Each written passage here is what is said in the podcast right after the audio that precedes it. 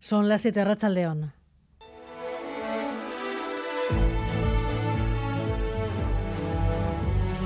Gambara con Arancha García. El Guggenheim cumple 25 años y la celebración se está escribiendo ya a esta hora en los alrededores del museo. Más de 400 invitados a la cena de gala, Frank Gehry entre ellos y Xavier Madariaga en el atrio del museo, viendo ya cómo están colocando las mesas. A León, Xavier.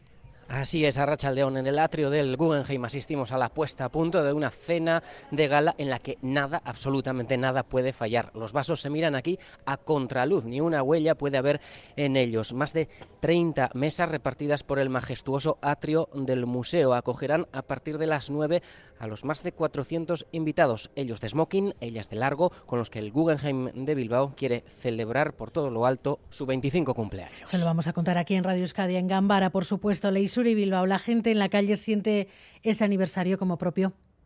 A León, pues hay de todo. Llevo un buen rato ya fuera del museo y entre el buen tiempo que hace hoy y que aquí se respira, ya se nota que, que, algo está pasando, que algo se está cociendo.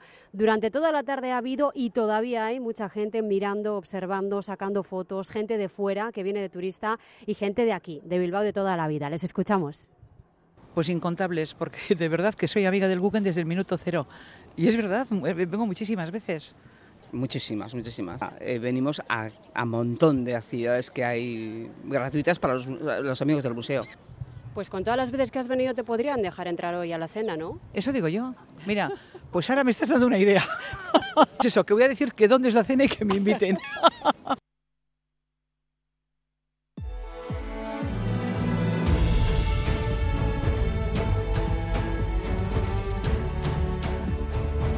Vamos a volver a algo en Jaime en unos minutos, pero antes hablamos de la guerra porque sigue subiendo escalones. Rusia ha vuelto a lanzar sus bombas sobre Kiev. Una semana después ha vuelto sobre el centro de la ciudad utilizando esta vez drones suicidas iraníes que pueden dar un salto cualitativo a la guerra. Abrimos línea con Kiev. Mikel Ayestarán. Por segunda vez en una semana, Rusia ha intentado acabar con la sede de Ukroenergo, el operador de la red eléctrica en Ucrania, pero ha vuelto a alcanzar un edificio de viviendas y al menos cuatro personas han perdido la vida. Uno de los drones ha impactado directamente contra una vivienda. La defensa antiaérea ha logrado derribar la mayoría de aparatos, pero no todos. La Unión Europea está estudiando sanciones a Irán, aunque antes tiene que probar que esté suministrando armas a Rusia. Y no queda nada por lo que fue elegida hace apenas mes y medio. Ha perdido toda su autoridad dentro de su partido y también ante la opinión pública británica. Listras acaba de ver cómo su nuevo ministro de Economía borra de un plumazo todo su programa fiscal.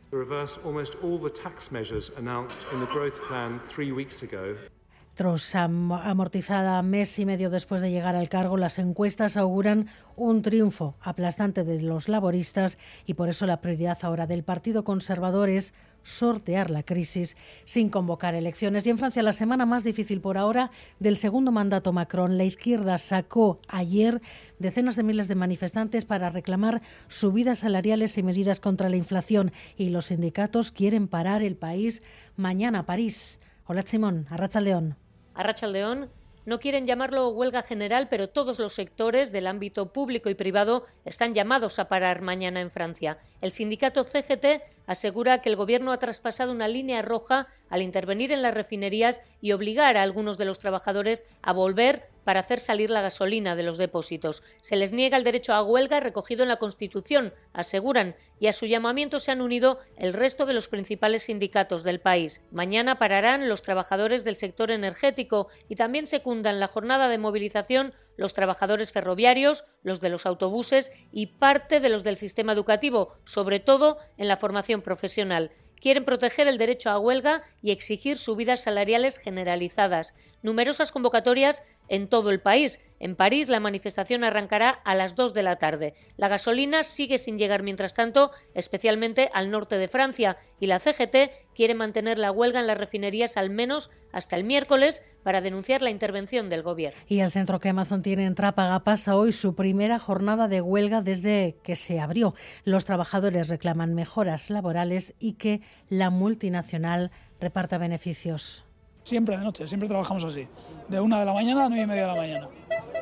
y contando que nos pagan desayunos y todo ¿eh? en ese precio. O sea, te incluyo la nocturnidad, los desayunos, fines de semana y todo, 1.400 y pico euros. La economía vasca confirma su ligera desaceleración. Euskadi sigue creciendo y bastante, pero a un ritmo menor que a comienzos de año. Según el dato provisional que ha publicado hoy el Eustat, el PIB creció en el tercer trimestre un 3,9% interanual, un punto menos que en el trimestre anterior. De todas formas, se sigue creando empleo y no se contempla la posibilidad de recesión. Vamos ya con los deportes. Edu García, Rachaldeón. ¿Qué tal, Salen Dos citas hoy para este lunes. Eh, por un lado, el cierre de la novena jornada de Liga en Primera División a las 9. una juega en el Madrigal contra el Villarreal. El Madrigal no va a jugar en la ciudad de Valencia porque el campo del Villarreal está en obras. Osasuna que está haciéndolo bien fuera de casa y que quiere eh, recuperar fuera lo que está perdiendo en el Sadar en los últimos encuentros. El Eibar también juega a las 9, el Molinón contra el Sporting, un Eibar que viene de ganar eh, ante el Ibiza su primer partido a domicilio, que quiere mantener esa buena línea para estar también en puestos importantes en la clasificación de segunda división en la undécima jornada. Y noticia de última hora, la confirmación de la lesión de Ayen Muñoz, que cayó ayer en el choque entre el Celta y la Real Sociedad tiene un problema en el aductor de la cadera izquierda, de momento baja indefinida, lo que seguro es que se va a perder un buen puñado de partidos.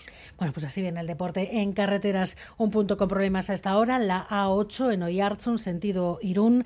Un coche se ha salido de la calzada, está ocupando ahora uno de los carriles. No hay heridos, pero precaución si circula por ese punto A8 en Oyarzun, sentido Irún.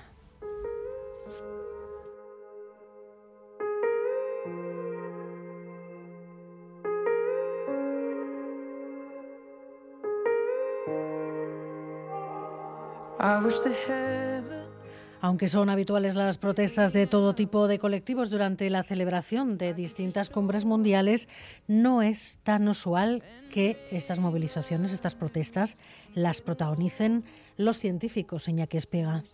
Un centenar de académicos que ha cambiado la bata blanca por la desobediencia civil antes de la celebración en noviembre de la vigésima cumbre del clima de Naciones Unidas en Egipto. Esta misma mañana han ocupado la sede del Ministerio de Economía alemán.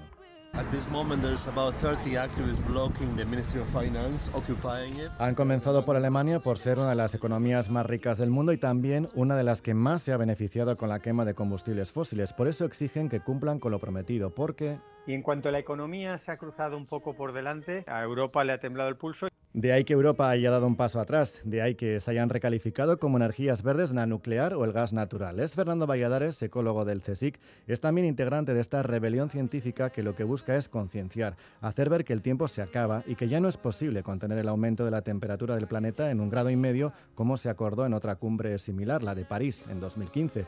Por eso la ciencia decide ahora cambiar de estrategia. El lenguaje prudente de la ciencia, el lenguaje en el que acotamos las cosas con probabilidades, a veces hace que se ponga en segundo o en tercer lugar algo que es sumamente urgente, como en este caso mitigar el cambio climático. Por lo que han optado por pasar de la prudencia a la acción. Miguel Ortiz y Asier Aparicio están en la dirección técnica, Cristina Vázquez en la producción.